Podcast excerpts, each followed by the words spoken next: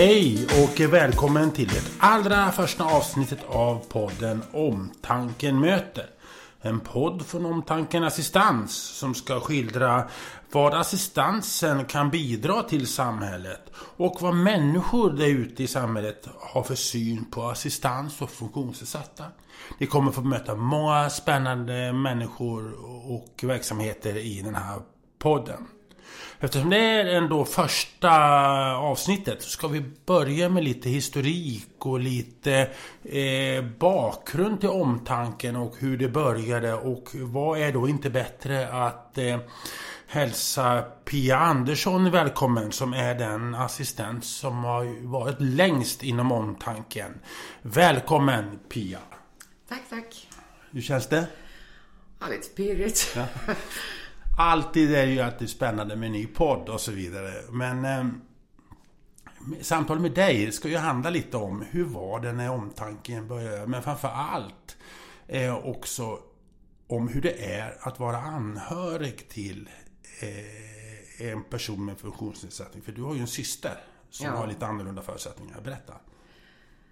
Ja, jag har ju en syster som har Downs syndrom och autism och skolios. Går med rullator och ibland rullstol om det är längre sträckor.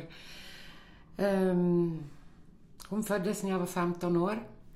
Och det var väl kärlek för första ögonkastet. Man kan inte förklara det. Det bara är. Och sen har väl jag... Ja, i alla år har jag tagit hand om Malin innan jag blev assistent åt henne. För vi hörde ihop på något vis. Och det var väl då jag fick intresse för utvecklingsstöd överhuvudtaget. Vi säger, jag har två pojkar också som eh, Angerman, autism och sådana saker. Och ibland så kände jag, vad ska vi säga? Ska vi säga funktionsnedsatta eller ska vi säga utvecklingsstörda? Vad säger du Pia? Ja, vad sa jag? Downs syndrom har nog jag alltid Ja. sagt, tror jag. Ja, Eller utvecklingsstöd. ja. Ja. Men vi tycker lika mycket om dem oavsett vad vi säger, eller hur? Ja, absolut. Ja. För jag upplever att eh, människor med olika funktionsnedsättningar, de, de ger så mycket. Det, det är så mycket kärlek i det här jobbet. Hon har ju blivit som ett nav i vår familj. Med tanke på att hon älskar kalas, hon älskar jul. Så även om vi kanske inte haft tid att ha kalas så har vi allihopa samlats ändå för att Malin vill göra kalas. Så hon är liksom navet i hela vår familj. Hon är, hon, det är hon som sammanför oss allihopa ofta. Det är så ja. Ja, Ja. faktiskt. Ja, ja, ja. Ni är ju stor familj. Ja, vi är ganska många. Ja. Är hon yngst av syskonskaran? Nej, det är hon inte. Hon är en lilla syster och tre stora systrar. Så vi är fem tjejer. Ja, ja. Kommer du ihåg när hon föddes? Ja, det kommer jag ihåg. Berätta. Inte, inte på BB, men jag kommer ihåg eh, när de kom hem. Och, och jag tyckte hon var så söt. Med sina sneda ögon. Eh, Rultig. Ehm, och vi visste ju faktiskt inte om vi skulle få hem Malin överhuvudtaget. För du, ni insåg, för det första du var lite äldre än Malin, du är några år äldre. Ja, jag var 15 när hon föddes. ja. Så du har klara minnen där, kan jag tänka. Ja. Men jag flyttade hemifrån när jag var lite över 16, så jag var det ett år. Men sen var jag hemma jättemycket. Men här kommer då en tjej som kanske inte blir som alla andra. Hur tänkte ni i familjen? Jag vet inte, alltså jag tror inte vi tänkte så mycket. Malin kom och så var hon där liksom. Det var bara liksom man visste att, ja någonstans tog vi nog bara dag för dag, gjorde in, som du gör med alla andra barn. Och sen upptäckte man ju väl vad hon behövde mer och det mesta vi gjorde var ju bara instinkt.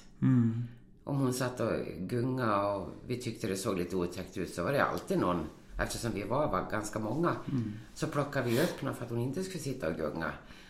Och tungan ner till hakan och, och vi gick och petade på den där tungan och, och ja, till slut så lärde hon sig tungan i munnen och Man känner, det går på det, instinkt. bara, ja, det var bara instinkt. Alltså, vi visste ingenting om utvecklingsstöden när hon föddes. Men du nämnde ett tag att på den tiden eh, eh, så, när hon född 77, Mm, född 77. ja, att det, det var kanske inte alltid självklart att läkarna tyckte att ni skulle ha henne kvar. Nej, de hade sagt åt eh, mamma och hennes skada, för Malin är min halvsyster, Ja, ja. att eh, det var lika bra att lämna bort henne för hon, de skulle inte orka med henne för eh, vi, de hade en treåring hemma också. Och det var ju bara, och speciellt för mamma vart det ju kaos för hon Ja. låg i kuvös också Oj då. eh, när hon föddes. Eh, hon har ju hjärtfel. Och, men då hade de ju sagt liksom, ja men skulle hon haft ett finger för mycket eller en arm för lite eller då är det ju ingenting att fundera på. Då tar man ju hem barna. Ja. Och det enda som hände det var en kromosom. Så det var väl ingenting att fundera på. Nej, det är, inte, det är bara en liten, liten del. Ja, precis. Ja, jag menar det. Ja. Men det är det inte idag. Man, I dagens samhälle, om man tänker på hur det var då. Att man vill att man ska lämna bort dem. Jo, Är inte hemskt? jo, det är fruktansvärt. Det... Ja, man kan inte förstå det. Man, man får vara glad att det är som det är idag. Absolut. Allting var inte bättre förr. Nej, faktiskt inte. Men eh, jag tänkte själv mina pojkar då, som man... Och, om, om någon hade kommit till oss och sagt att du, jag tycker ni ska lämna bort dem. Jag menar, man skulle bli skogstokig. Ja, fast mamma hon, hon, hon vart nog inte tokig. Hon vart bara... eh, Hon fick panik tror jag. För Malin föddes, hon hamnade i kuvös på en gång. De sa direkt att det var något fel. Eh, Så hon, hon var ju i chock. De la in henne på, henne på en avdelning med fem andra kvinnor som hade sina bebisar hos sig. Ja. Och mamma fick ja, ligga där utan ja. Malin och visste ingenting. Så hon hamnade i något slags chocktillstånd. Mm, Men då hennes karl då liksom så det, han sa ju bara, ja men liksom, det är klart du ska hem. Det är bara en kromosom. Visst är det en fin pappa? Ja, Visst är det en fin som tänker så? ja, så det, och jag menar, vad skulle vi ha gjort utan Malin? Det har inte varit samma familj. Kan man tänka en sekund bara på alla de barnen som blev bortlämnade? Tänk, det var ju ändå barn som blev det. Jag tycker synd om de barnen. Ja, alltså de kan ju inte... Jag menar, blir du bortlämnad och hamnar på någon institution. Du har ju... De har inte tid med dem för det första. De får inte kroppslig kärlek på det viset som barn ska ha. De kan inte utvecklas på grund av att emotionellt och alltihopa är, det är ju borta. Och jag menar, har du då... Ja, om du lever i en vanlig familj så lär du dig av din vanliga familj. Det gör du ju inte på en institution för det enda du har omkring dig det är andra som är lika dåliga som du själv. När du pratar så pratar du om erfarenhet. För du har hela ditt liv, yrkesliv, jobbat med att hjälpa andra människor. Ja, Vad berätta, vad har du gjort i ditt yrkesliv? Ja, jag jobbar på servicehus, på långvården, ehm, på gästis, på kortis, som elevassistent. Ehm, jag har gjort det mesta inom vården. Ja. V- vad är det som driver dig att hjälpa andra? Det vet jag faktiskt inte. Jag har nog varit så, även när jag var liten så var det liksom att kompisar var väldigt viktigt. Jag ville, eller, jag vet inte. Jag, jag tycker väl om människor kanske. Ja, för du, du ser hela den röda linjen att, att hjälpa andra människor. Det, det, det, det finns hos dig. Ja, jag hade en period jag tänkte, åh, nu orkar jag inte vara huvud och armar och ben och allting något mer. Så jag tog en paus en sommar och tog jobb på Vägverket som receptionist och växeltelefonist. Det tog två veckor så längtade jag tillbaks till mitt gamla jobb. Det var totalt annorlunda. Ja, jag tog någonting helt annat. Och tänkte du där, det var, det var för hard, mycket hardcore. Ja, men alltså för mig var det bara liksom så här. Jag kom till insikt med vad det var jag verkligen ville. Även om man kanske hade jobbiga perioder inom vården och så. Men sitta där och... Nej. Jag menar, vem går till jobb och får en kram? Bara det? Det, det får du varje dag va? Jajamän. Ja, ja. Att sen då vara assistent och anhörig, syrra, liksom till Malin. För det är det du är och har varit en stor del av ditt yrkesliv. Hur är det då? Vad kan du berätta? Ja, vad ska jag säga om det då? Det är både fördelar och nackdelar. För det är inte bara naturliga grejer. Nej, nej, det är det inte. Ehm, det som är nackdelen med att jobba som anhörig då, det är ju det att du är mycket mer känslomässigt engagerad, vilket också är en fördel. Eh, men du lägger ju på det mycket mer. Mm. Du har ju mycket svårare för att släppa jobbet när du kommer hem. För jobbet är ju inte bara ett jobb när man är anhörig. Eh, du blir en backup till alla andra som jobbar. Eh, för man känner ju Malin bäst. Det, det blir ju så. Är det svårt att vara professionell? Jag tycker inte det. För i och med att jag hade jobbat i nästan 15 år innan jag började med Malin. Så, och jag vet att när jag började med Malin, då sa jag till Malin, det var väldigt lätt att prata med Malin då, väldigt duktig.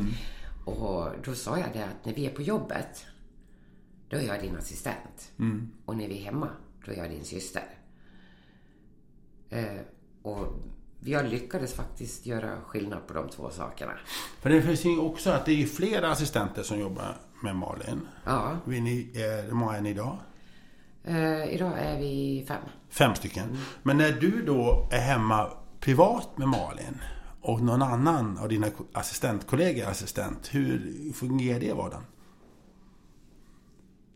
Det är inga problem. Allting är så na- naturligt Det är i naturligt. våran grupp. Så Men vi menar- tänker så här, är det någonting som andra bör tänka på som hamnar i- som, i liknande situation? Att man har någon nära familjen där jag är både assistent och anhörig. Ja, att man som anhörig måste lära sig backa när andra jobbar och inse att man kanske inte alltid har rätt bara för att man är anhörig. Ja. Även assistenten kan komma med mycket bättre förslag, saker jag inte har tänkt på eller eh, vi ska vara likvärdiga på jobbet, om man säger så.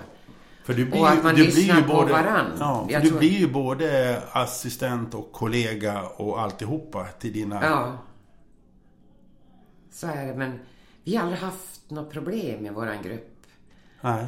Men det är någonting man kanske bör tänka på om man ska vara assistent åt sin egen familjemedlem och så vidare. Att det, det är olika roller att vara assistent. Ja, det är det. Det är olika roller. Mm. Jag brukar säga att jag har dubbelmoral. Jag brukar säga anhöriga ska inte jobba. Fast vissa anhöriga passar ju för att jobba. Ja. Så är det. Så Ja. det, är liksom, det kan ju bli lite dubbelt. Här är ju då din, du då syster. Det finns de som är föräldrar som är assistenter hos sina barn. Och där lär man ju tänka ett par sväng. Ja. Jag tror nog att många assistenter har väldigt svårt för många föräldrar faktiskt. För många gånger kan assistenterna ha rätt. Sen är det också så här att eh, när man får ett barn och så får man assistenter. Hur ska man förhålla sig att man har assistenter i sitt privata boende? Att det liksom får en... Ja, vad har vi för regler där? Vad är vi liksom det privata? Vad är assistenterna? Det gäller att göra upp lite regler där, tror jag.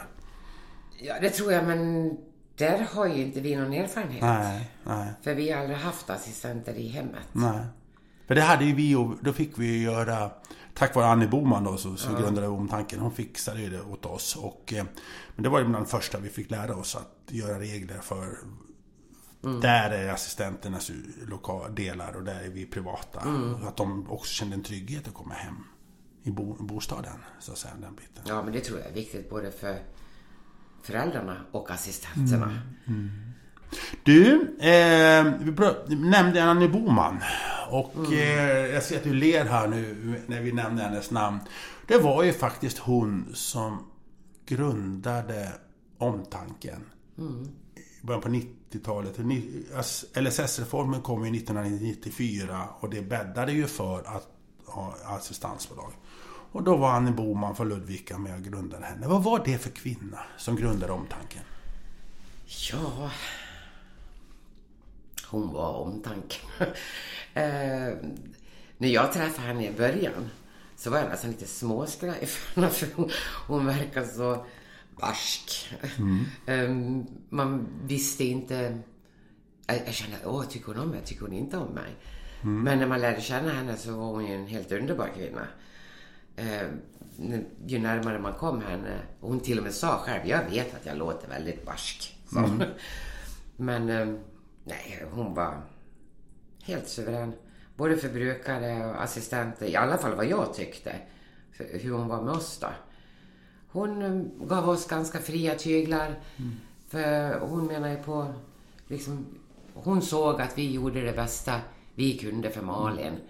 Och då sa hon så här, ja men hör bara av er och så ordnar vi det. Och om vi något, eller Malin behöver någonting eller om man tyckte någonting var jobbigt så kunde man ringa och prata med Anne. Och, nej, och, Hon, var, man, hon ingav respekt. ja, det gjorde hon. Jag kommer, ihåg, Absolut. jag kommer ihåg första gången hon kom hem till oss. Och Då hade vi ingen assistans. Och plötsligt Nej. så var det någon som det bultade på dörren. Bong, bong. Men vi hade ringklocka och så vidare. Ja. Men, och sen så såg man henne och blicken. Det var den intensiva blicken, kommer jag ihåg. Ja. Det är liksom hur hon... Hon var nästan lite skrämmande så här, Ja, första mötet. ja. eh, för Det var liksom... Jag kommer ihåg hur vi satte oss ner vid köksbordet och så slog hon näven i bordet. Så här kan inte ha det, sa hon. Och då förstod man ju samtidigt att det var en kvinna som verkligen brydde sig om. Som hade omtanke kring kunder och, och assistenter. Det var ju hennes liv. Ja. Omtanke. Ja. Jag menar, hon låg i sjukbädden bara några veckor innan hon gick bort. Mm. Och med datorn och jobba och svara på samtal. Och, för vi ringde och sa ursäkta nu får du vänta, nu kommer doktorn. Mm. Så, och vi bara va? Är du på lasarettet? Ja. Hon jobbar ju ända in i det sista. Mm. Och vi pratade om en barsk kvinna men hon hade så mycket kärlek i Ja, sig. Hon hade mycket så hjärta. mycket hjärta. Och egentligen är ju namnet omtanken, det är Anne. Ja, faktiskt. För du berättade också just att hur du har tidigare när vi inför det här programmet. När hon kom till er och sa var nu ärliga, hur mår ni? För alla dagar är ju inte de bästa dagarna. Nej. Eh, Berätta hur, det var ju det hon kom. Men hon var ju alltid så här, liksom så här... ehm, ja, att man skulle vara rak och ärlig mot varann. Och kunna säga liksom att Alltså jag orkar inte. Jag, nu är det jobbigt eller vad som helst liksom. Eh, Du, du fick vara less på jobbet. Och, förstår du? Det var ingen liksom skam på något vis. Utan vi är ju bara människor. Och hon kunde säga när ni känner att det blir för mycket, ta en dag ledigt då. Och andas liksom. Eh, och så man kommer tillbaka. Och vi lärde oss ju mycket av det. Som, det är ju bättre att gå hem kanske något pass eller några pass och vila ut när man känner sig väldigt utbränd istället för att bli helt utbränd. Att man kanske tar några pass och får andas och försöka släppa jobbet ett tag då. Hon var, hon såg, Ja, hon, man såg ja, medmänniskorna på ett sätt. Ja, det var liksom, hon månade om de utvecklingsstörda enormt. Men hon månar ju faktiskt lika mycket om sin personal. Ja, det är väl alla det. Ja, ja, ja, men jag kände samma sak. Och när vi, lär, jag och min fru, liksom, fick också väldigt tydliga regler. Liksom, hon hjälpte oss. Så här, så här kan ni göra för att få det här att fungera. Och, Ja. och den biten. Och det, det, det ja, och så ställde hon alltid upp för, för omtankens kunder och personal mot makthavare och så vidare. Jag, jag kan tänka mig, hon var nog tuff att förhandla med kan jag tänka mig. Ja, vi, Och vi, har, vi har ingen erfarenhet. Nej, jag menar, jag, menar, jag kan tänka mig det. När hon, när hon träffar någon eh, Försäkringskassan, Ja, kommun gud och... ja. Alltså, nej, hon gav sig nog inte första taget. Nej, nej. Men alltså, hon var så erfaren så jag tror att hon, hon visste precis vad hon gjorde. Mm. Och jag vet så väl, hon berättade en grej som jag tyckte var så... Vi har ju ett eh, aktivitetskort Mm. om vi gör saker med Malin. Och det, var ju, det är ju inte vanligt. Men hon sa det, om personalen har det, då behöver aldrig deras egen ekonomi stoppa dem från att göra saker med brukaren. Och hon sa ju det, vilket gjorde då att jag tror att många inom omtanken som har det här aktivitetskortet gör mycket mer med brukarna också för att det är inte alla som har kanske ekonomin att ligga ute med pengar till man får lönen och sånt här. Men vi är aldrig låsta. Nej, hon, hon, hon var Och det bra. var ju liksom, det var ju, det där kortet sa hon, det skaffade hon för brukarna. För att de skulle få mycket aktiviteter. Anne Boman gick bort 2014, hon var 82 år. Men hon jobbade, som du sa, ända in i kaklet. Så att säga. Ja, ja, ja. Men eh, det som är viktigt idag, det är ju att den andan som hon visade, den finns ju mycket kvar. Även idag då ja, Sofia Åkesson är VD för bolaget. idag. Mycket, omtanken-andan finns kvar. Ja, vi har ju Sofie och jag menar, hon har också det här hjärtat. Ja. Liksom det här, och jag känner mig trygg med henne också. Jag kan Mm. ringa och vi har haft en jobbig period. Jag har pratat med Sofie och jag har även pratat med Madde. Och, Mm. och omtanken är ett tryggt ställe tycker jag. För liksom, du blir aldrig eh, dömd om du skulle klaga, om jag säger så. Nu är det ju våran chef så att eh, vi har väl inget... Men vi, det är inga som hör oss om vi säger någonting annat. Om vi säger något negativt om dem. Nej, det, nej, det, det är bara nej, du och jag. Det alltså, håller oss mellan jag dig och- jag skulle- Nej, det, Då skulle inte jag säga någonting nej, nej, jag, nej, men jag, allvarligt talat. Eh, det, det, jag har ju själv kommit tillbaks till omtanken efter några år uppe på andra ställen. Och man känner känslan just nu med, med Ja, det är Sofie och Madde som vi har med att Madde, göra. Madeleine Lager. Ja, precis. Det är ju de som vi har mycket med att göra. Så... um, Det, Och då, det och, då, kan... och då frågade jag dem när vi pratade om det här. Vem är assistenterna som har mest erfarenhet? Som har varit längst? Ja, det är Pia. Så nämnde hon dig och så vidare. Och du har varit med så länge och du har varit med med din syster Malin och så vidare. Men då tänker jag en viktig fråga till dig Pia. Vad kännetecknar en bra assistent? Ehm, Ja, man ska ju tycka om utvecklingsstörda. Ehm, Du ska ju tycka om det du jobbar med. Annars ska du inte jobba med det här. Och du ska ha eh, kemi med den du ska jobba med som assistent. För har du inte kemi då funkar det inte för vare sig brukarna eller personalen. Och det känner man ganska snabbt när man går på introduktion och så. Man kan hitta kemi och det här eh, kärleken och kemin, det är liksom det viktigaste. Allt det andra, det kommer med tiden. Liksom. Men du måste väl ha sett många assistenter som kommer och söker jobb och börjar... och ser- Eller hur? Du, Ja. och du måste ha sett dem. Men vad ser du direkt om det är en bra eller mindre bra assistent? Deras sätt mot Malin. För mm, om vi ska träffa någon ny vikarie, då är Malin med. Det, det kan hända att jag träffar dem lite först, Ja. men sen ska ju Malin vara med. Och då märker jag liksom, pratar de bara med mig eller pratar de med Malin? Ja, men precis! Ja, precis. Ja. Eh, eh, om de har en fråga om Malin, vänder de sig till Malin eller vänder de sig till mig? Malin kan ju faktiskt svara. Ehm, och sen, ja lite det här också så att eh, man kan också se om det blir väldigt överdrivet. Alltså det, det, det, det är nästan kusligt. För det är precis så som jag och min fru säger. eh, Och när vi får en ny assistent eller något liknande. Vad, hur reagerar de första minuterna när vi har våra pojkar i rummet?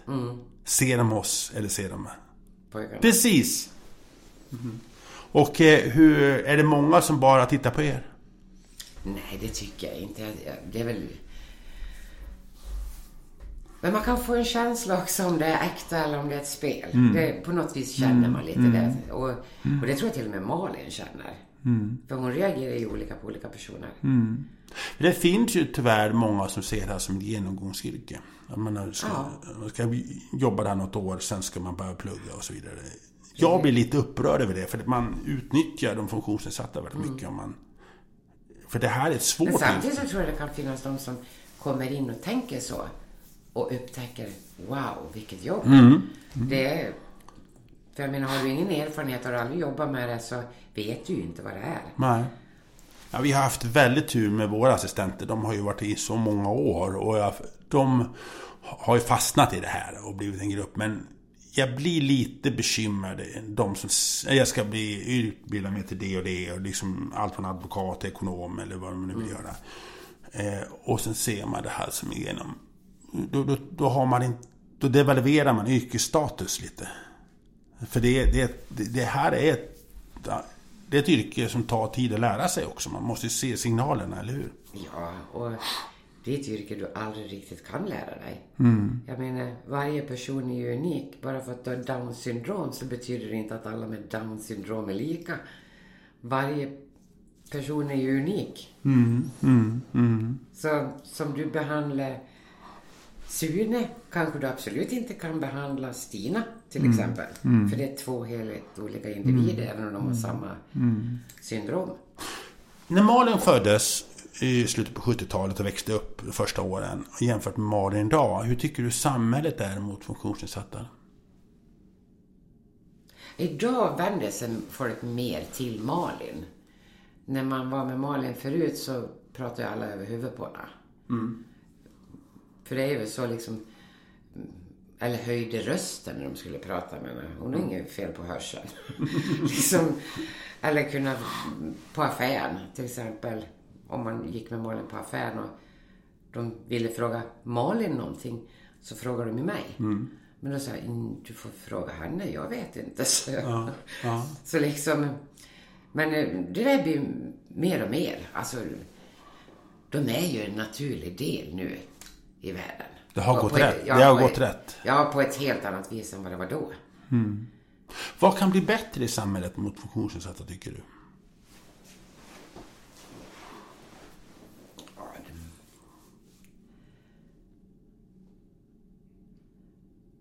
Jag vet inte. Det- De har ju...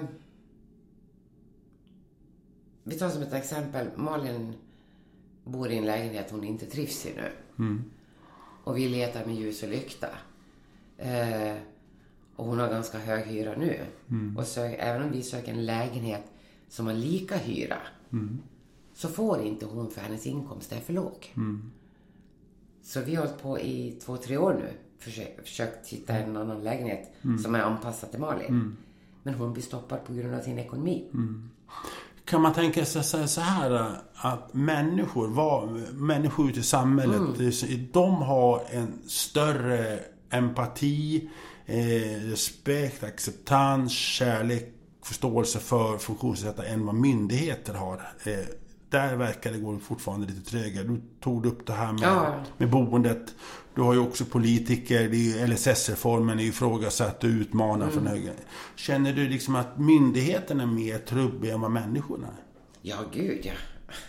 Det är ju de som stoppar. Jag menar, vi säger om du söker till ett bostadsbolag, ja, Tunabyggen, vad som helst. Ja, de har ju sina kriterier. Du ska klara hyran gånger tre.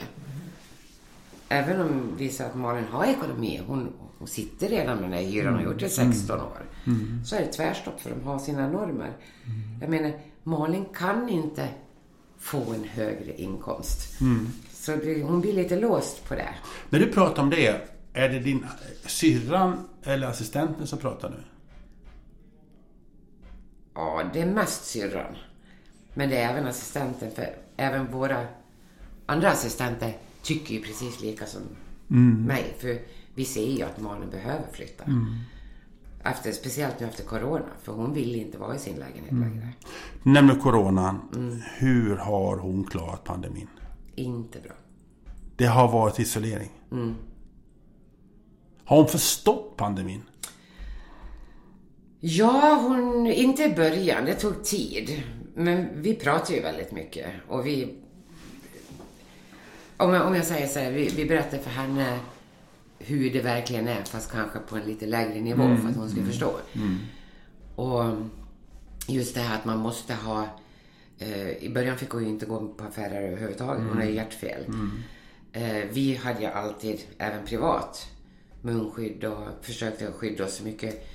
Ingen gick ju till jobbet och hon förstod det att eh, ja, nu är den assistenten snuvig så då kommer någon annan på grund av corona. Hon, var, hon blev ju väldigt eh, medveten om vad hon inte fick. Sen började hon ju liksom bli lite rädd. Jag kan inte gå ut och gå, det är corona. Och fast vi... Ja, men det är jättebra att gå ut och gå. Där finns ingen corona. Är ute friska luften. Utomhus, utomhus ja. Men just det, hon var ju isolerad. Hon fick ju inte gå på dagcenter. Eh, hon träffade bara sina assistenter och sin mamma och sina andra syskon. Hon träffade inga andra. Hon, träffade inga Hon, hon blev rädd, det var det det handlade om. Ja, hon blev, hon blev lite så här rädd att eh, om... Nej, det kan jag inte. Och sen kunde hon utnyttja det också. Hon är ju smart. Ja. Och så här, nej det kan jag inte, för det är corona. Jaha, okej. Ja. Och vad säger ni då? då? Ja, men Mali. Ja, du vet, Ja. beroende på situation. Alltså, många gånger kan man skämta bort saker och ting och liksom så här. Men på vilket sätt, eh, hon, om du jämför med henne tidigare nu då? På vilket sätt? Isoleringen har ju gjort att hon hatar sin lägenhet, till exempel. Eh, hon, vi får inte tillbaka henne till jobbet. Vi får inte... Hon vill, hon vill inte det nu. Vi har fått henne så långt som fram till jobbet och ut ur bilen. Längre kom vi inte. Eh, Panik. Och det, hade inget, det har ingenting med corona att göra. Det är bara att helt plötsligt så vill hon inte jobba. Och det är ju, det är där hon blommar. Så hon, hon behöver ju det sociala. Hon, var en, hon njöt av det sociala innan pandemin. Ja, gud ja. Älskar att gå till jobbet och det, ja, och det var problem före. Men det har ju inte blivit bättre. Vad gör ni nu för att lösa det?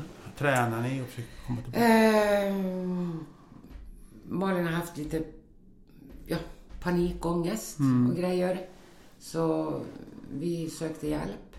Och nu har, nu har det blivit lite bättre. Jag tror vi är på rätt väg.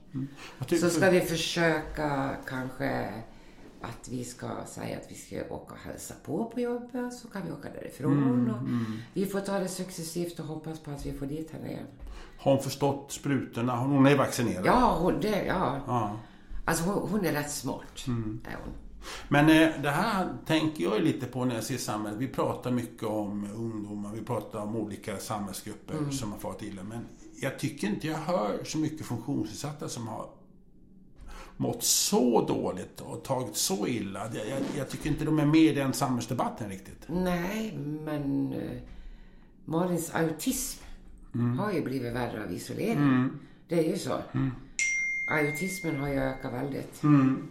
Och det var ju, vad heter det, jag vet att eh, min, mina pojkar, framförallt den äldsta, har ju mått väldigt dåligt av. Just det att han, han ville ju komma ut och, inte, och han förstod ju inte varför. Nej. Men eh, det här känner jag så här att jag tror alla som jobbar på olika sätt med funktionsnedsättning har ett ansvar med att eh, få tillbaka den här kategorin i samhället och glädjen och förtroendet att leva igen. Ja. Absolut. Men det är inte lätt. Det är inte lätt. Vad ska man göra då? Ja, man får, man får försöka bara. Ja. Alltså, vi är ju, vi gör ju nu under sommaren så att vi har varit ute mycket. Vi har varit ute mycket fika och alltså förstår du så här, ut så att hon är i sociala sammanhang och sånt här. Vi har träffat en kompis och gått på restaurang och spelat lite boll i sommar. Och, eh, nu är det ju jobbet som är största problemet. Så nu sa, sa vi att bara medicinerna stabiliserar sig lite så ska vi åka dit och hälsa på. Få se om vi kan komma så långt i alla fall. För jag tror att allting släpper bara hon kommer innanför dörren. Och det här handlar ju också, tror jag, att om alla eh, som jobbar som assistent till funktionsnedsatta och de som har jobbet att komma tillbaka till samhället. Att prata mycket, rådgöra, resonera, vad kan vi göra? Och, ha en stöttning, eller hur? Det, det är väl det det handlar Ja, om. vi gör inget annat än prata. Nej, och det När vi kan- inte och det- jobbar då sitter vi i telefon och pratar med varandra. Och det kan ju vara ett råd till andra som jobbar som personliga assistenter att om man har sin kund som Mm. har svårt att komma tillbaks till att vara före. Att Mm. prata eh, med sin kundansvarig, prata med, med varandra, försöka hitta lösningar. För jag tror varje individ har väl sin egen förutsättning. Att Ja, ja. Mm. Och jag menar, man ska ju lyssna på alla i en Mm. grupp. För det behöver inte betyda att den som har jobbat längst är den som har de bästa råden. Hur mår du då? Eh, Ser du ljuset i tunneln för pandemin? Ja, det gör jag faktiskt. Jag tror, jag, är, jag tror vi får lite leva med det här, men eh, jag blir väl lite irriterad på folk som inte tar vaccinet för det är svårt att få stopp på dem inte folk Mm. vaccinerar sig. Och det är det konstigt att de inte inför vaccinationspass för att komma in på offentliga ställen. Jag ja, tycker- speciellt inom vården. Ja, inom vården i synnerhet. Ja. Inom, inom vården. Ja, ja. För när det här spelas in så är det ju knappt vecka sedan samhället öppnades upp. Mm. Och så vidare. Var du ute i helgen? Såg du någonting i helgen att det, var, det är annorlunda ute nu? Nej, jag jobbar i helgen. Du jobbade i helgen? Ja. var, vi var ute och gick. Vad skulle du vilja göra nu som du inte kunde göra under pandemin? Är det nå- någonting du längtar lite extra efter? Du personligt? Var bland lite folk kanske. Ja, och se och vara. Ja, någon fest. Ehm, Gå på bio. ja, precis. Gå på bio. Mm. Skulle du tycka att det känns konstigt att gå på en fullsatt salong? Ja, Vi har faktiskt varit på bio under pandemin, men då var det alltså väldigt tomt. Men... ehm, ja, lite konstigt kanske det kännas. Men alltså, man har inte gjort så mycket. Jag tycker vi har klarat oss ganska bra. Vi, vi har ju... Vår, vi har ju haft vårt intresse i sommar, så varje ledig stund har vi åkt iväg med husbil. Så vi har inte personligen blivit så drabbade av pandemin. För du har ju skaffat en liten fritidssysselsättning, just husbilen. Ja, för Du år din, du och din man. Ja, Hur har det varit? ja, det är det bästa. Vad, vad är det som är så häftigt med husbil? Nej, för det första när vi åker iväg, det är då jag kan släppa jobbet. Jag, må- alltså, jag måste hemifrån för att kunna släppa jobbet. Så det blir liksom så här, det blir en paus i vardagen. Man åker iväg och vi ligger oftast vid något vatten och det är rogivande och nej, man grillar och det är inte vardag. Men du kommer bort från vardagen. Det är väl det som jag tycker är... Åker ni långt med den? Nej, gud, det är... Vi kan åka tre mil och vi kan åka 50 mil. Det Du bor i Borlänge nu så vi, lyssnarna förstår var du bor någonstans. Ja, precis, ja. Men du åker inte ner till Medelhavet direkt? Eller? Nej, det, vi har bara haft det i två år så vi vill ha lite mer erfarenhet. Men du har haft nöje av den här under pandemin? Att det, Ja, gud. Alltså det är ju den som tror jag räddar psyket. Att just det här att man kunna göra saker. För jag menar, nej, det var en gudagåva den där. Har Malin åkt i den? Nej, det har hon inte. Det Kanske- skulle inte funka. Det skulle inte funka? Nej. Nej, Nej, den är inte handikappvänlig. Nej, Och nej. jag orkar inte lyfta in nej henne. det finns gränser. Ja, hon skulle inte komma upp på toaletten i den Nej, och då kan, det inte vara, då kan det vara jobbigt för henne också. Ja, jo. Alltså, vi har ingen jätte... Det är ingen karavan direkt. Nej, nej, nej, nej, nej. Du, eh, se framåt nu. Ditt yrke som personlig assistent, hur ser du i framtiden det? Ja, jag kommer att jobba till jag blir pensionär eller längre. Om jag är, frisk. Mm. Hur kommer assistentyrket att se ut om fem år? Ska jag vara helt ärlig, jag är orolig att det blir sämre. På vilket sätt? Ehm, att de kommer att dra ner på tiden för personal. Att det ska bli mer jour, mindre tid. Eh, vi kommer att tappa folk som överhuvudtaget vill jobba inom det här. Eh, Försäkringskassan hjälper ju inte till direkt, utan det är snarare tvärtom. Jag menar när vi har gjort sådana här tester, när de kommer och frågar ut vartannat år eh, för det här med tiderna och, och de frågar hur lång tid tar det att kissa, hur lång tid tar det att torka sig, Försäkringskassans hur lång tid tar det att tvätta händerna. Ja, ja. Jag menar alltså, för det första så kan du inte säga en tid. För ena dagen då kanske det går ganska bra. Hon kanske har kissat på 20 minuter och tvättat händerna och torkat sig. Nästa dag kanske det tar 45 minuter. Jag menar liksom så här. Jag är orolig för att det blir ett yrke som mindre och mindre folk kommer att söka sig till. För att de jobbar mycket och får lite betalt. För jag menar, har du vi säger kanske jobbar 24 timmar och så ska du ha jour 8, 9, 10 timmar eller någonting sånt där. Jag menar, du är borta hemifrån. Du är på ditt jobb i 24 timmar. Men du får inte betalt för det. Det var assistent-Pia som pratar nu. Hur är syster-Pia, anhörig-Pia ur den här synvinkeln? Hur tänker du då? Att din syster, att hon kan... Jag tycker att det är exakt samma sak. Är det en oro där också? Ja, jag är, jag är orolig för att vi inte ska få personal. Alltså bra personal. Vad jag är orolig för, mina pojkar, det är att vilka ska stå upp för de här funktionsnedsatta? Vem orkar vi? För det är ju satt under press och det är in, ingenting är självklart längre. Nej. Nej, jag... Det lutar inte åt det bättre, Vad ska vi göra åt det då? Ja, du. Strejka, det kan vi ju inte. Nej, det vore för förvärvet. ja, nej, det går inte.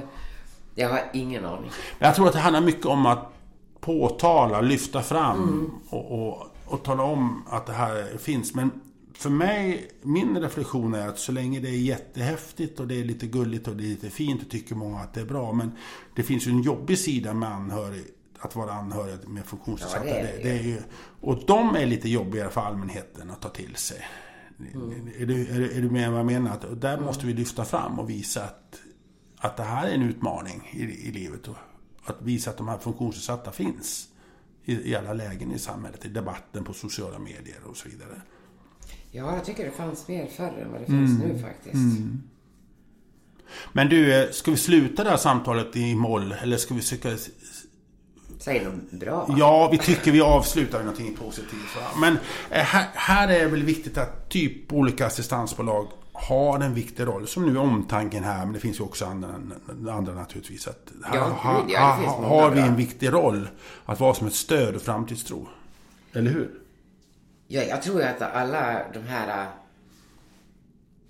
privata, vi säger omtanken och stugknuten och allihopa. eh, Det är väl mycket mer ni kanske som håller I, om det, för det politiska, om man säger så, mot kommun. Finns det en garant för att det här inte går åt helt åt skogen? Ja, precis. Och det är ni privata som har startat upp. Det är ni som är det som... Och det inger lite framtidstro. Va? Det inger framtidstro. Ja. För våra funktionsnedsatta vänner, de ger mer än de tar. Eller hur? Ja, absolut. Vad skulle vi göra utan dem? Det tycker jag var den bästa avslutningscitatet där. Pia, eh, tack för att du kom. Tack. Eh, hälsa Malin. Det ska jag. Och tack alla ni lyssnare som lyssnat på det här avsnittet. Allra, allra första avsnittet utav podden Omtanken möter. Eh, vi kommer tillbaka till, med många, många fler gäster. Och eh, den som tackar, eh, han heter Anders Hansson. Och eh, tills vi hörs nästa gång så hoppas jag att ni har det bra där ute. Ha det så bra. Hej då.